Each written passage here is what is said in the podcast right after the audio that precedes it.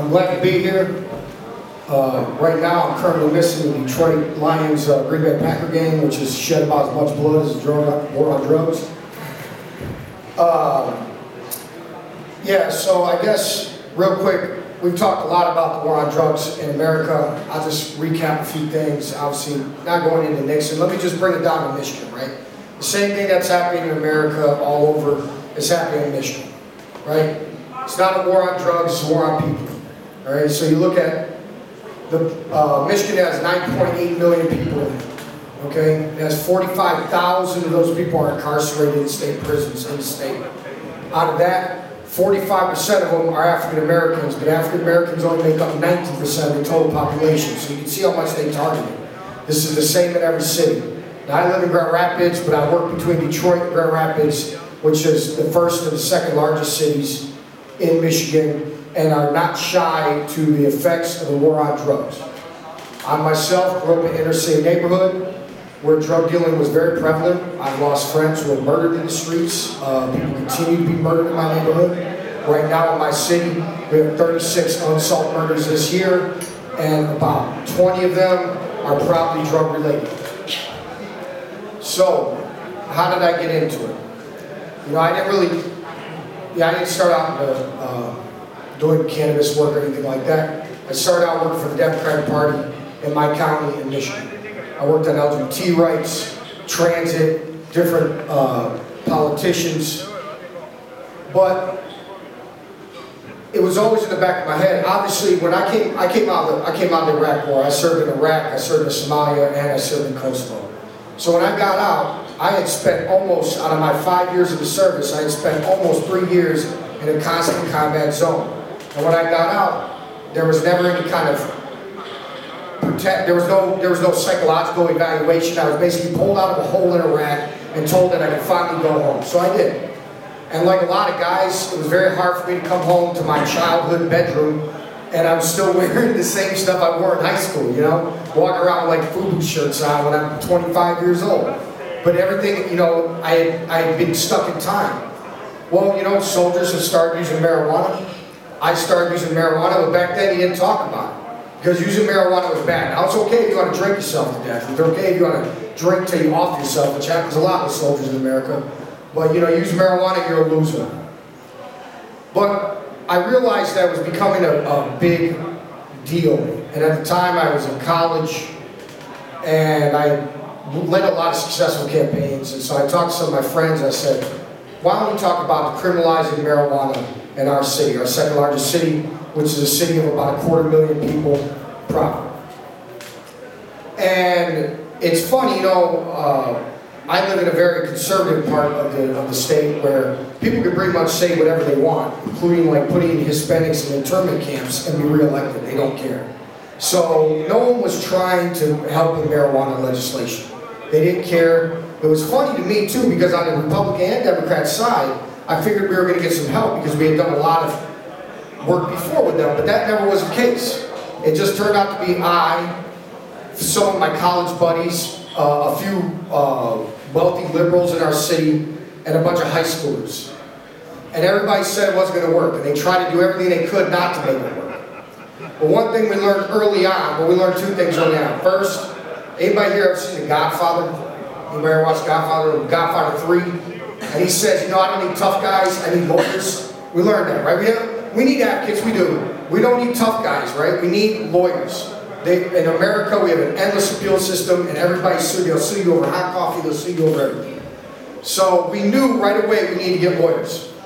So I went, I was lucky enough to have an uncle who was a lawyer, and I told him, I figured they, they were going to bring us to the Supreme Court, no matter if we won this or not. He didn't agree with me at the time. But we went and collected our 10,000 signatures. I remember when I first got on too, you know, the war on drugs in America is a very militant war. Okay, there's a few things too, not to get in too much into it, but you can understand. So I come from a county called Kent County. It's got 600,000 people. There's a few things that they have there. First, they have a combined narcotics task force of six different counties, which make their money off robbing drug dealers. Okay, that's what they make. That's they don't get a budget from us. They don't get tax money. They make their money. Last year they made a half million dollars. Now, if anybody can see, you know, a smart drug dealer in America doesn't keep an Excel spreadsheet of where his cash is going. You know, they don't keep a notebook. So when they come raid you, they take everything you own. Your cars, your baby pictures, everything you have. They liquidate it, and that's how they pay themselves. They become almost like a Wild West posse that goes after the rich. They, will leave the little guys alone. They'll even give incentives to the little guys to stitch out the big guys because they need the money. Another thing that happens, I don't know if any of you have read The New Jim Crow by Michelle Alexander. Right? That's a big thing. That's, that's actually happening. And one thing that they have is the Edward Byrne grant. Okay, this grant, in 1988, there was a New York police officer named Edward Byrne. And he was watching a house. And some guys came up, one guy knocked on the passenger door, and another guy came up with a 38 special and put five in his head. And this was a big deal, right? So then it just, it got blown out of proportion. It went up to Congress. Ronald Reagan used it as his war, you know, as he escalated the war on drugs. Because Nixon started the war on drugs, but Ronald Reagan pushed it. He got the equipment. I mean, they had, uh, you know, battering rams, and this grant was one of them. He, I mean, even uh, George Bush Sr. during his election carried around that officer's badge to talk about how we needed it. And all, we needed this grant. All this grant does is pay for training, weapons, and equipment. Doesn't do neighborhood policing, which we know, at least in my community, brings down violence. No, all it does is get you more equipment. So you have two things going for you. First, you rob drug dealers. Second, the number of drug dealers you rob, you get more equipment. You have a lot of positive reinforcements going on. To a police force that doesn't live in the city. Most of the police forces in America do not live in the cities in which they police. The police in my city live 20 miles out. They come in, it's a concrete jungle.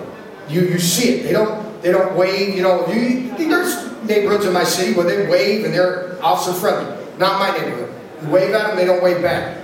They sit in their car. And when they raid houses, and they've done this since I was a kid, they come down and we have this humongous armored tank. It's better than what I carried in Iraq. We were, we were, we were taking armor plating from the junkyard and welding it onto our Hummers in the beginning of Iraq so they couldn't shoot through our vehicles. And the police force is better than that, right? They, and they drive this vehicle and they keep, turn red lights on and they intentionally keep the doors of the back open so you can see the whole soldier team in the back. They do this. This is all part of control. So, back to the criminalization, when this was all going on, everybody was very scared. And the lawyer that I got told me, Michael, don't carry any marijuana in your house. I'm very afraid they're going to kick down your door. And this was a very real fear. For 10 months of my life, as a combat veteran, I figured that, you know, and I was afraid because I suffer from PTSD. And I am, a, uh, you know, even though I have my issues with the Second Amendment, I am a gun owner. I didn't want someone kicking in my door and reflexively I grab a shotgun because I live in a neighborhood that gets broken into a lot and I get murdered. And this is what police forces have done since the beginning of time. They did it to the Black Panther Party. They've done it to every pretty much proactive party we've ever had in America. Police will find a way to assassinate you. So that never happened, thank God, right? I had a lot of sleepless nights. But when we finally got it passed at a 60% margin in our city, which is one of the highest ever, that we had yeses. I didn't even think we'd go that far. Then the prosecutor comes in and said, we're not going to listen to the voters. And it became a huge outcry because they thought they were going to starve us out. They didn't believe, they didn't realize that we were having a pro bono lawyer. We passed this thing with $14,000, including two grand of my money I had to put up when I was in grad school. And you, for you, those of you who've been in college, well, I, they probably pay for college here, but in America, you you know, you eat tuna out of a can. Okay, $2,000 was all I had. And I had to do it to keep the lights on. So we put every piece of dime we had in this. We couldn't pay for a lawyer. But they thought we were still doing that, so they brought us to appeals court. Well, first they brought us to circuit court. We won in that. Then they brought us to appeals court. We won in that. Then they tried to bring us to the state supreme court. Finally, the state supreme court said they weren't going to listen to it. So we learned a few things from this. First, keep lawyers behind you. Now, it might be a little different in this country, but you're still going to have, you know, courts are they're going to try to fight this, right? They're going to do everything they can legally to fight it.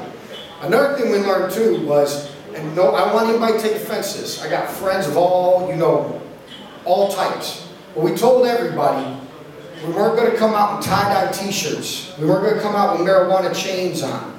We weren't going to come out with our pants sagging.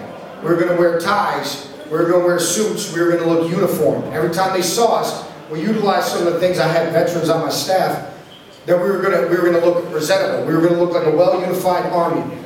So people, you know, like I had beards and stuff, we trimmed them up a little bit. We wanted not to show because we knew the type of look that everybody wanted to attack in our community, and we decided to uh, show them something different because they were expecting a bunch of people to come out and you know whatever, right? Do whatever, look whatever. But we did. We came out and we said, no, we're, we're going to be professional about this. And if you want to sue us, we're going to take you to court. We're going to fight you in court.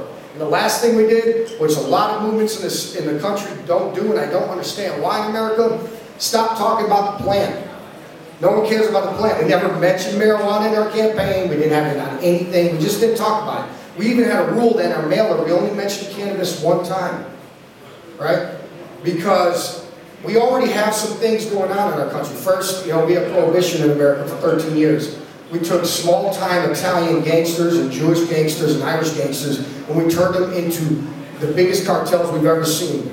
The blood ran red in Chicago. Even nowadays, when they talk about Chicago with a high murder rate, was never where it was in the 20s. They know this. There's already, there's already been things set. So people in the back of their mind, they already know the drug war is real. So, and a lot of times you know that they're going to be no on it. What we saw, though, was America has spent countless billions of dollars through the time I was growing up, basically since the 30s. Basically how it happened was after Prohibition, you know, America always has to find something to hate. So then they were going to hate on the Latino community in Mexico. So they, they developed the word marijuana to scare everybody. Try to, and they used that as, a, it was almost, a, it was a, you know, a racial movement at the time, and that's why they committed to prohibition at that time. But over, throughout the decades, they've spent money on commercials, on the DARE programs in our school that, you know, come in and try to talk about, you know, people are going to use drugs. Everybody knows that, right? That's why those programs fail. And I don't know if anybody's ever read High Times by Carl Hart. He's the first African-American tenure professor at Columbia. Him and I, we've talked before. He's come to my city. And, you know, everybody uses, right? Every every culture and time has used some type of substance to become inebriated. People right now are becoming inebriated. But just because you're drinking a beer doesn't mean you're going to starve your child tomorrow. There's a difference between use and abuse. And abuse, right, is, you know, it's, it's not, it's never been solved in jail cell. It's never been solved in America with that. It needs to be solved through, you know, spiritually, health-wise, psychologically, somewhere along, along those lines. And so we knew uh, that as long as we pushed all those issues, talked about all that, we were going to be able to get people to, to vote on it in our, in our city. And then one thing, and I don't know how people vote here, but in America, most people under 50 don't vote. They don't. I mean, people who helped us with, with collecting signatures for marijuana did not vote the day we had the vote. They brought people to the polls, and yet they did not vote. I was over at a Cannabis Cup. We have this big thing called Cannabis Cup in Michigan every year, and there's people are selling, you know, marijuana plants and gummies, and it's a humongous concert. Method Man's there, and Snoop Dogg's there. And, uh, I was up there speaking, and I told people there that they weren't going to vote for marijuana, even though these, you know, hip hop superstars told them, I told them, the politicians there told them, and they refused to believe that. But I know statistically that 40%, 50% of that crowd will not vote. They'll show up, they'll smoke weed, they'll jump in a mosh pit, they'll wear big, you know, marijuana chains and stuff like that, but they won't vote. When it comes time, they won't. And I don't mind being truthful to people. I don't mind hurting people's feelings. I think that's how we get a little bit of movement going. And uh, so that's one thing we had going for us, you know, that we, we needed to find a way to tell the 50-year-olds and up who basically live in the suburbs of our community that it doesn't matter if you don't care about you know the drug war or anything like that. The fact is, it's coming out of your property taxes. The fact is, is we have a lot of, we have a lot of crimes in my community. When someone pulls over one of us, right, for a little nickel sack of marijuana, that's about an hour and a half the cop takes to go process you. It takes about an hour and a half of paperwork and everything like that, and he's off the street. And our cops get into shootouts, actual firefights with people. So when your officer gets into a firefight and you're busy with some dude who's in college smoking a joint, you know what I mean? I mean, let's look at, let's weigh out here what's, what's the danger here. And so when you start explaining that to people, that becomes, uh, you know, that becomes the thing that they focus on. one thing, and I'm not saying you use it, but in America, if you really push on people's fears and not and not doing it to lie to them, but actually tell them the truth, they will vote for what makes sense. And a lot of people didn't think about marijuana that way. Everybody was just thought about the frying egg in the pan, which was this big uh, advertisements we had all through the 80s and 90s. This is your brain out drugs the frying egg in the pan. I mean, we'd go to, you know, or people just don't understand drugs. Like you go there and knock on a door and they'd be like, oh yeah, I, I know drugs. Those guys in that abandoned house, they're smoking weed all day. And we're like, no ma'am, that's not weed they're smoking, okay? Uh, just let me tell you, the guys wigging out over there, they're smoking something else. So, marijuana was decriminalized in Grand Rapids in 2012. It was decriminalized in Detroit 2011, Ann Arbor. Basically what's happened in, in Michigan is all through the mitten we, that's what we call our state. We've had the big cities have decriminalized. And we know once we have decriminalization, the majority of, of Michigan citizens live in the criminalized zone. And we know once we're there, we have the environment for legalization. That's what we've all been working on.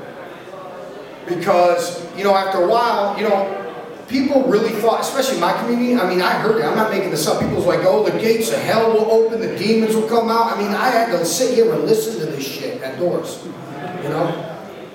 But it didn't happen that way, right? And then people start feeling like, man, maybe I have some phobias that, you know, are not real. And they start seeing, I mean, first of all, especially in my city, if you live in a white community, uh, marijuana criminalization and criminalization are the same thing. You never feel it. You never notice it. It doesn't happen. So people start realizing, well, that's not so bad. I don't see crime going up. I don't see kids getting drugs. So last year, we had, well, we had worked on it since 2015, but last year we went for marijuana legalization in our state. We put together a board of 16 members, everybody representing their own respected cities. We met in Lansing, which is our capital, once a month. We got a professional signature gathering firm.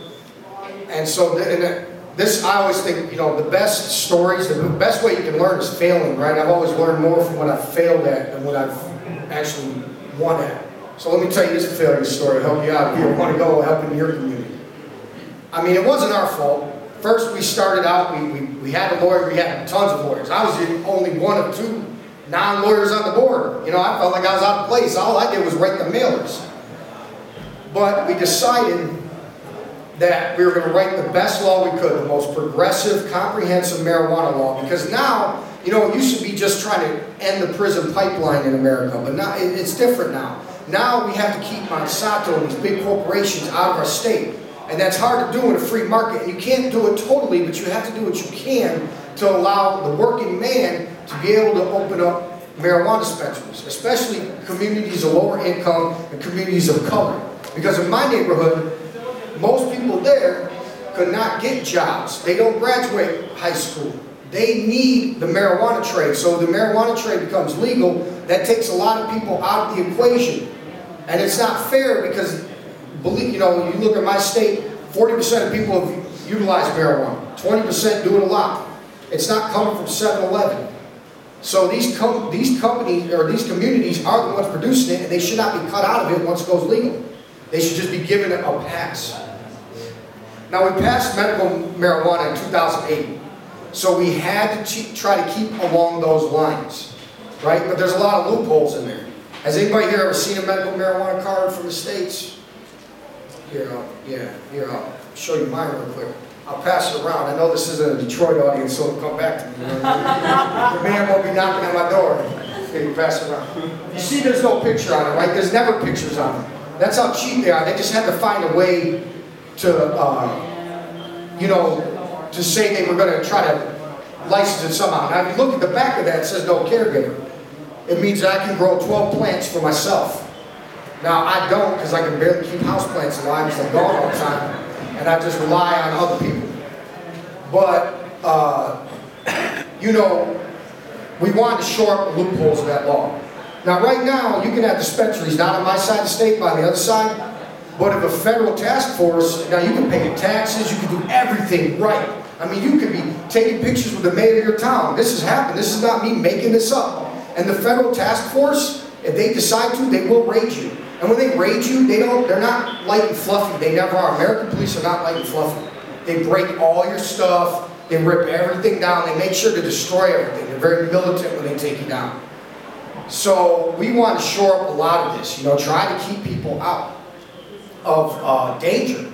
Because there are a lot of people we've had in the state, mom and pop shops, who have done everything right. Everything right and they find themselves with their kids taken away, all their assets forfeited. You know, they're shot, destroyed, because when the guys come in, even though they put their hands up and they get on the ground, guys just start smashing the cases. They steal some of your stuff. God knows it's getting sold by them on the street. I mean, this is all real stuff. So, uh, when we went, so we started, we put the law together. We thought this is going to be the best law ever. It keeps prices down for people entering the market. It allows all communities to be part of it. It takes out those loopholes so that federal task force cannot take you down. So we brought it to the board of canvassers in our state. We did everything we could. But here's one thing we didn't see coming. We had our president, we had a presidential election, right?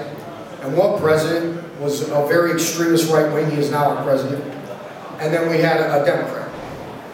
And our state was a swing state. I don't know who knows about the electoral college, but you need to, it doesn't matter popular vote in our, in our, in our country. You need certain states, certain designated people in states to vote for you. And if you don't, you still can lose even if everybody votes for you. Like Al Gore won the popular vote but lost the electoral election. So, the electoral college. So basically, our state was one of the swing states. So, we had a woman named Lisa Lyons, who's a who's an ex-state rep who was running for a Kent County uh, clerk seat. But before she got out, because she was lame duck, which means she couldn't run again, so she could basically destroy everything she can before she gets out, she decided to put a 180-day rule on signatures after we had been collected for four months. Okay? So that's like me telling you all about a race and then saying go, and when you're halfway done with the race, I come up to you and be like, look, I changed the rules on this race. Okay? That's not fair, right? We thought we, we, we still collected, we still persevered. We said, you know what? We'll be able to sue the crap out of them. And we'll use America's endless appeal system and we'll get somewhere, some judge will, will set precedents on us. So we collected them all. We turned them into the clerk. Clerk said, yep, there's 358,000 signatures here that are valid. But you didn't get with the 180-day rule, so whatever, I don't care what the people say. Because, and then we're not talking these signatures were, you know, 500, 600 days old. I mean, we're talking 250 days old, something. You know what I mean? So it, it essentially knocked us out. And I remember the board meeting. It was a really sad day. I mean, the day we turned these signatures in, and these are a lot of signatures. This takes a whole U-Haul truck. You got to carry them up on a, on a dolly and put them at the clerk's door. I mean, I remember that day we were high-fiving each other, taking pictures, and then about a week later, you know what I mean? It looked like someone peed in their cornflakes. You know what I mean? We were just really sad, distraught, and we thought we were going to give up. We told ourselves we're going to give, you know, there were people who quit the board. I'm not going to lie, I thought about quitting the board. It was a hard time. It was a volunteer job, you know? But we decided to say, you know, some battles are not won easily at all. And so you got to go back. You got to get back on the horse. You got to go. So we decided we were going to do it again. And we did. And we've been collecting signatures now for 180 days, keeping within their rules, which is not easy. This time, because it was 180 days, it took us $3 million to do it. This is not easy to do. People don't volunteer their time, you know. I notice as I walk around here, people get along pretty well. People seem to sort of, you know, they clap in unison, you know. Not in America. Most people, and then they'll come up and they'll say, oh, I'm not going to sign that because it doesn't do something that I think it should do. But there's no perfect resolution. I mean, we had a lot of people come up to us who said, well, I'm not going to sign it. We actually have a group of marijuana advocates who pulled away from us in the state and are fighting us. They don't offer any solution. They just want to see us go down because they want to see marijuana unregulated in the state. Now that's great. I wish we could all just skip through a big ass field sticky icky, but that's never going to happen. Okay? You have to regulate things. And we, we're, in a, we're in a market where we regulate alcohol, we regulate tobacco. It's unfair of us to say that we're not going to regulate marijuana, that we're going to let them have a competitive edge. And we need the tax money. Michigan is falling apart. We need freeways. We need the schools.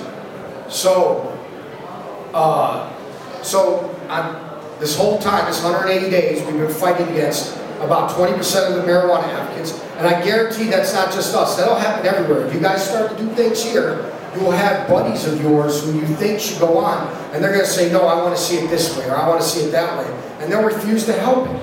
I think that's just human nature sometimes. They call it the crawdad syndrome, right? Because you're fishing and you have a bunch of crawdads, and they don't help each other out. They pull each other back down into the bucket. We just have a tendency to do that human nature, that's what's been happening with us. So on top of fighting extreme right-wing government and the police unions and the prison guard unions, now we're fighting also marijuana people. And then we're fighting medical marijuana people who have been, you can pretty much be a drug dealer with a little bit of state protection, who don't want to see a regulated market. But we turned our signatures in last week, and we know that they're going to be validated because we validated every single one of them. And now we have to run the campaign. But we're, we're at a 68% approval rating in Michigan, which even 10 years ago, that would never happen. So, and, and we're doing the same thing that I did in Michigan, or decriminalized GR, the same thing they did in Detroit and Ann Arbor. We're, we're not talking about marijuana. We're not presenting this. We actually call ourselves, even though I'm Michigan legalized, there's three different groups. And we call ourselves a coalition to regulate marijuana like alcohol. We say it that way because we just know we need to rely on the 50 and up people who probably don't use marijuana, who probably are against it. we're letting them know, let's be sensible. We're just going to regulate like alcohol. Alcohol is regulated very hard in our country. So we'll regulate marijuana the same way. And then it, it gives someone, you know, a way to, uh, as soon as they even just hear our name, then they adequate it to, okay, well, you know, you can't drink a beer walking down the street in America. It's no potato law. You go to jail. Um, you know, you can't drink past 2 o'clock and things of that nature. You can't uh, mix gambling in certain areas with alcohol. So they think, okay, they regulate, they tax it, perfect, right? And we're hoping this passes because what's happening right now is everybody in Michigan thinks that there's a good thing that just happened called Medical Marijuana Facilities Licensing. It was passed by our governor. It was actually passed bipartisan supported in our state house that uh, they wanted to regulate medical marijuana. But the, this is not a good thing. Because what it does is, first, it's run by marijuana, the, the group that actually licenses it through the state has been picked by marijuana lobbyists who want to see big business come through. If you want to grow 500 plants in our in our state right now through this act, which uh, become, comes into effect on December 15th, you have to pay $5,000. You have to own a commercial real estate building. You also have to show that you have 150 to $200,000 in assets, which is very hard because our banking institutions will not do business with any kind of marijuana business. They won't even do it with us. Michigan Legalized had our bank account cut two months ago and had to go with another bank because they said we were taking money from drug dealers, which essentially we were, but not from anybody on the ground. Everybody was licensed, right? It wasn't like we were going down to Huggy Bear on the corner and taking, you know, 5K. That wasn't happening. But they made it sound like that. They really did. And they actually embarrassed us because it went to the press. And all of us on that board are professionals who work in our own respected cities and don't like to be, you know, look like we have some conspiracies going on. So it was an embarrassing thing for us. But, so you look at these, these high levels of the market that are going on right now in the state, and then you understand why MIFLA is what they call it, will not work. It sounds good on paper, and everybody's like, okay, we don't need legalization because we have an advanced medical marijuana. But it won't, it, it won't work. It's just going to bring in big business. When big business comes in, they go very radical. And then they're not, and then, you know, they also, under the law, can choose who they serve marijuana to. So you don't, most things in our government are regulated in our state. You can't not, choose not to sell a house to somebody because of who they are. You can't choose not to serve somebody. But under this law, you will be able to tell somebody whether you want to serve them marijuana or not. And then you can just see what kind of slippery slope that is, especially with our president who's in right now, and uh, about 50% of our state that seems to reflect that kind of uh, discriminatory nature. So that's why we're looking forward to legalization. We think it's going to pull everything back in our state, put it back on track, bring it back down so the common man can grow, can be part of a business that's going to revolutionize our tax industry in our, in our state. And um, it'll help in the, in the country in general because first of all, we'll be the second largest state to legalize in the United States. We also, about 75% of Michigan shares a border with Canada, which tends to be very proactive with marijuana. So now we'll have a lot of uh, room for different, to set precedents the courts for international shipping, sharing borders, things of that nature when it comes to marijuana and how we, how we transport it, who we can transport it to. We also allow 12 plants, which most places won't allow 12 plants growth.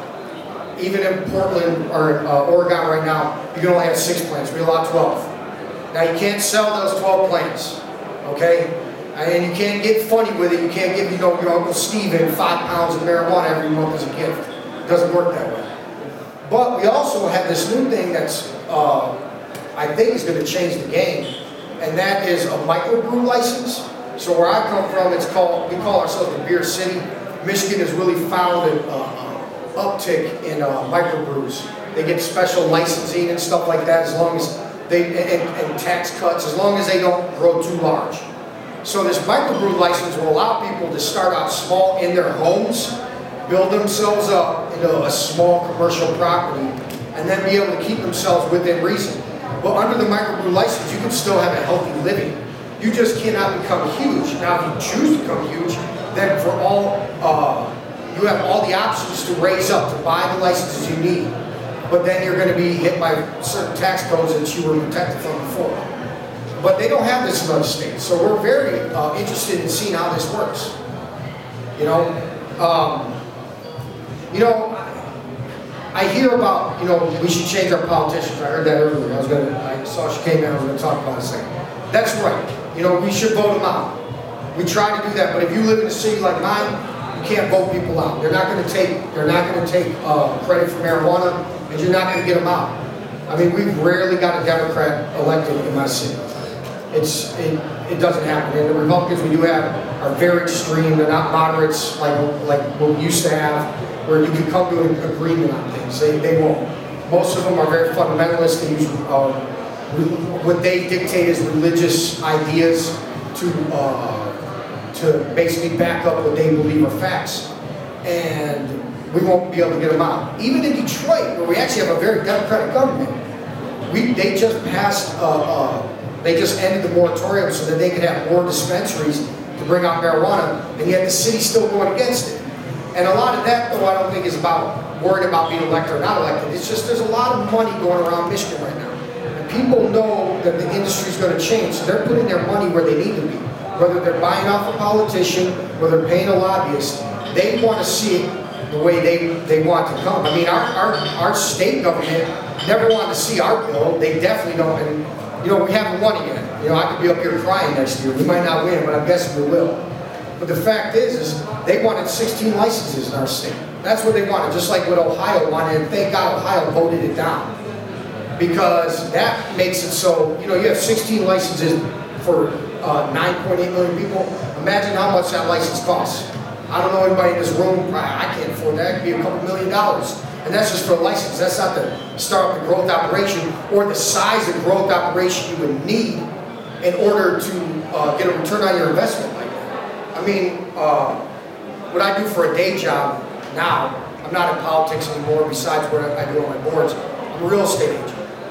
And with, I do most of commercial real estate with uh, the new medical marijuana laws coming in. I have a lot of clients who come to me and they're looking for uh, growth spaces. Well, you know, the return on investment on marijuana isn't a lot. Most of the plant's wasted. Now, there's ways now we have in our state to make money back, like you can sell your waste to companies that further process it down and things that they can use it for clothes and plastics and things like that. But for you to make the money, even on the heightened funds they made, you need like a 10,000 square foot place, if not more. And you better hope that you don't get any kind of bugs or any type of fungus on your crop, or somehow your crop, you know, you know, uh, turns all male, uh, or something of that nature, because you're not going to get your money back. And since you have to invest so much money into it, uh, that's a good way to become bankrupt. That's just so people can really understand. And the, in our city, we try to tell, or in our state, we try to tell people, the way you're going to make it in the marijuana market is not to have a dealer's mind. I got a lot of friends in my neighborhood, they got a dealer's mind. Forever they grew in, you know, basements or hidden rooms and, you know, they like to throw, they have a cash business, so they like to drive a nice car, wear chains or, you know, try to, you know, hang out with the prettiest girls. I mean, that was their life. They don't think about as a business. They think about as clocking dollars in the park, at the skating rink, or wherever they're at. But like we told people, you need, this is a business now. You're going to come in, you need to have quality control. You need to have lean manufacturing uh, uh, ideas put into your company. You need to understand where the industry's going and where it's been. These are a lot of things. So if you know anybody who's getting into the market or anything, and once policies pass more and more, especially in this country, you gotta let people know. The ones who are gonna make it are people who have a business-oriented mind and understand corporate business, because that's where it's gonna be. No longer is it gonna be growing, you know, in a couple fish tanks in your basement. It's just not gonna be that way. And a lot of, and I see it right now, uh, about a month ago, we're in Lansing, you got a lot of guys up there, and they're trying to apply for their license, and I can tell right away they're probably not going to get it, and the ones who do, they're not going to make it. These guys are trying to grow, you know, on the back of an ice cream shop. That's they're not going to make it, and, and now they're going to have to compete with all levels of market: the small mom and pops, the mid-sized markets, and then large markets.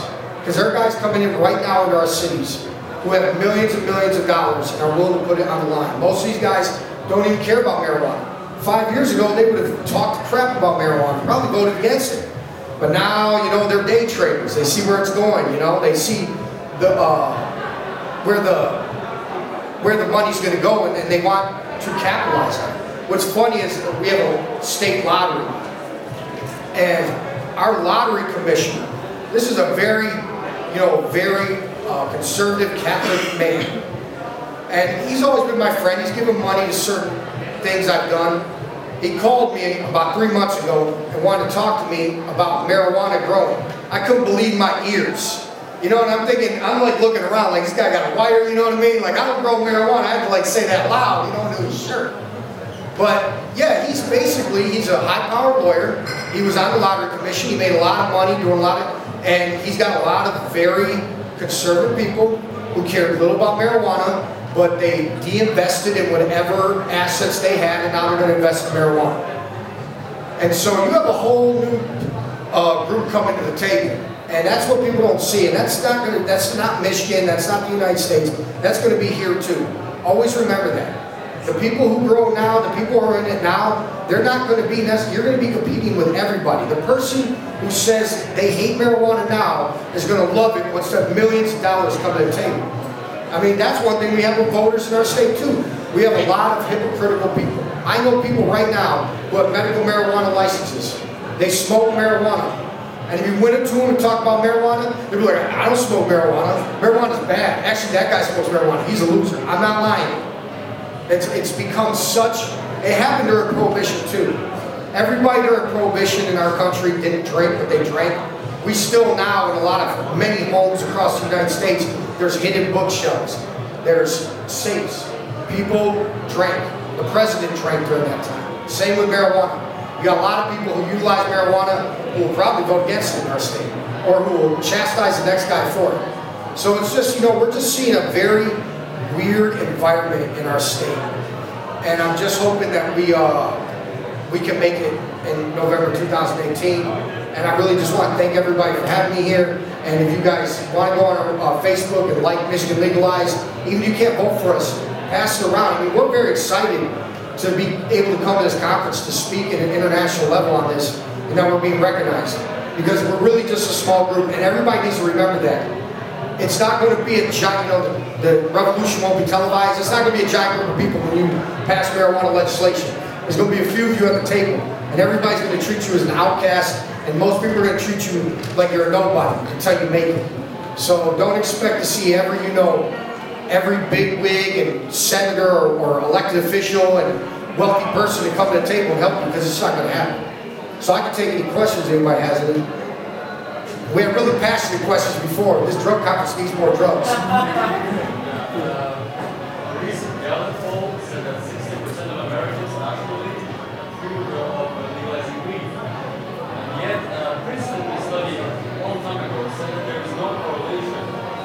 what the Americans want and what policies are introduced. But there is a correlation between what corporations want and what causes some to do so. So in your campaign, did you experience any pushback from corporations, the pharmaceutical companies, alcohol industry, tobacco industry? Uh, yeah, Big Tobacco came on board because you know they had the idea of like, if you can't beat them, join them. But alcohol, yeah, definitely. Not the microbrews, not the people who make the founders beer and all the small things we have, because they have about the same like mine. They're not going to get the competition. You drink crap beer, you're going to keep drinking crap beer. But yeah, the big the big alcohol companies, we see the push. Um, and then that's one thing that people need to understand too when you're coming to marijuana, uh, like you said, corporations, right? People don't think of the peripheral markets you're going to have, the complementary markets. Like I just heard on Michigan radio the other day about how Taco Bell is poised because they know their sales are going to go up exponentially. Peyton Manning, right, he's a big football star, just retired. He bought 20 Papa John pizzerias in Colorado the year before it legalized because he knew he was going to make bank. But there's other people who know that they're going to lose out. And sometimes you don't even think about that, like you said. And so they're going to give money to the lawmakers to pass the policies they need. That's why Ohio had the oligopoly, and that's why Michigan tried to do it. No, we've seen it. We've seen the pushback. Um, we haven't seen it from the, well, I can't say we haven't seen it from pharmaceutical companies because I can't trace all the money. You can get the super PACs in our, in our state, and I don't know where it comes from. Like I know uh, money's coming from the federal level because we barely got money. We just got done paying off just to keep the lights on. And now we got people in Detroit putting up these pictures of little kids saying the kids are going to smoke more marijuana. And there's like 20 billboards. Now, where are they getting this money from? It's not coming from you or me. It's not. It's not coming from a mom and pop. It's big money right there. Any other questions? Come on, it's got to be another question, man. We got a big passionate argument with the last one. Come on, man, ask. How, how would you define the, the drug policy of Donald Trump? I'm sorry, I can't hear my How, how would you describe the drug policy of Donald Trump? I mean, I mean, you know, I'm like, you know, I don't agree with my president. I'm not going to sit here up and down. I mean, the fact is, is there's a lot of hypocrisy in the White House right now. So how can you define what he says? He says one thing, goes the other. Actually, at the DPA conference that some of us were at in Atlanta, that's how I met. That's how I'm here because I met people from your movement here. Uh, they had a, an interesting talk that basically said the one thing he hasn't been hypocritical on is marijuana. Like he said some mean things about it, but he also believes in state rights. And one thing, you know, he's not the smartest president we've ever had. Okay? And the fact of the matter is this. The crazy right-wing, alt-right rednecks that voted for him, because it wasn't me, it wasn't my neighborhood, so I guarantee that. They would have beat you up voting for him in my neighborhood. Uh, it, it was a, uh, these people, they might be crazy on one end, but they also believe in state rights, right? So what are you going to do? It's a double-edged sword. You need them to keep your base, right? But you're going to come in and tell us that we can't do it? Because there's a lot of, like right now, there's guys in Michigan, right? Now, my city's different than rural Michigan, okay? My city and Detroit and all that, we're just like here, big city, hip-hop clubs, all that, right? But you go out to rural Michigan, you get the rebel flags and the, and the uh, Tea Party flag, and these guys carry more weapons than you've ever seen in your life. I mean, they carry assault rifles when they go to the grocery store.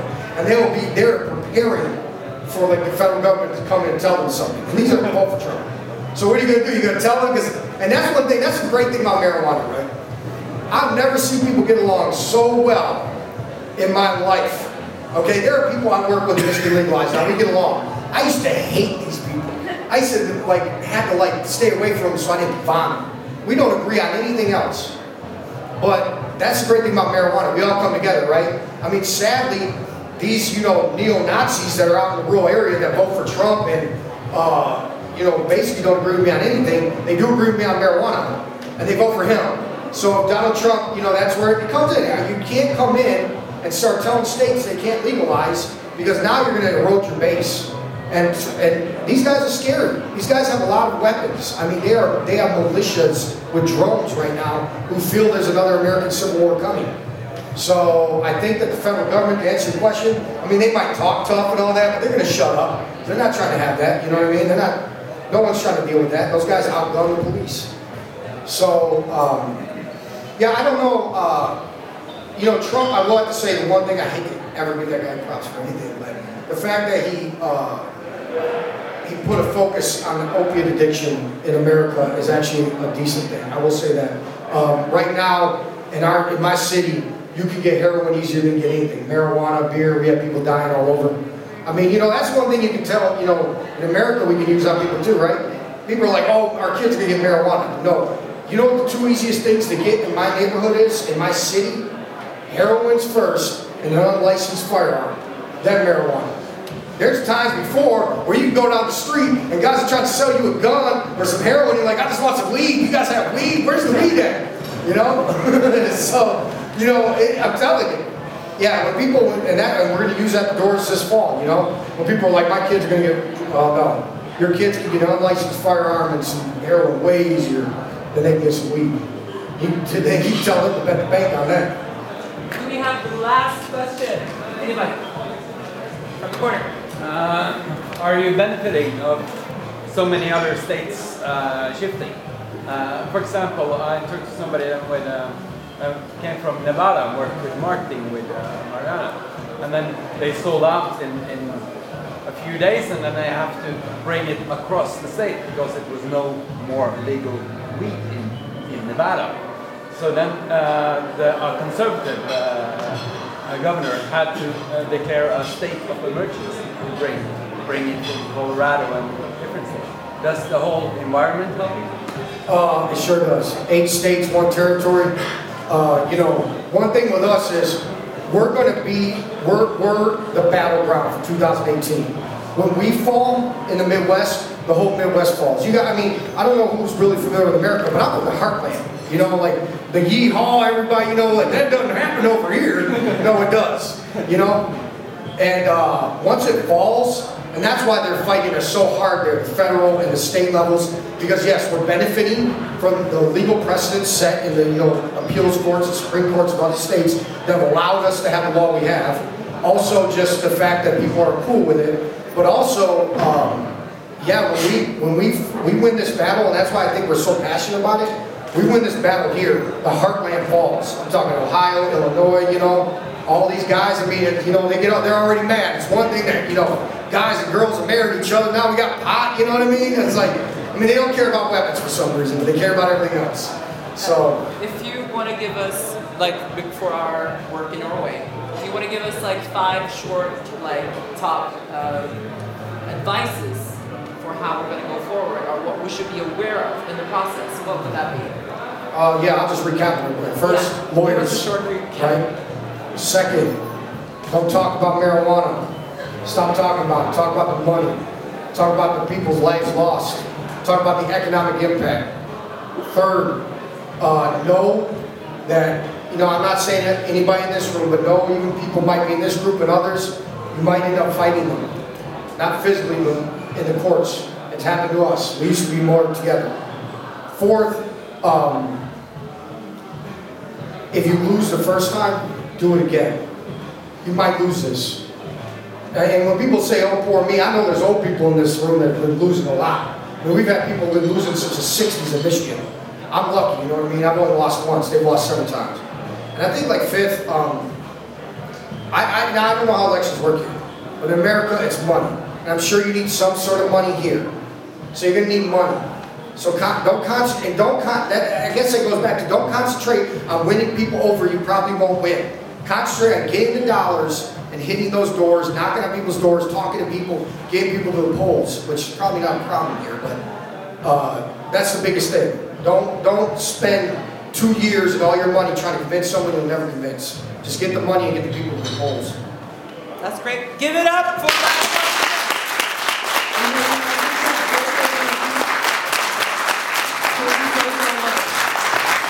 Okay, guys, outside you.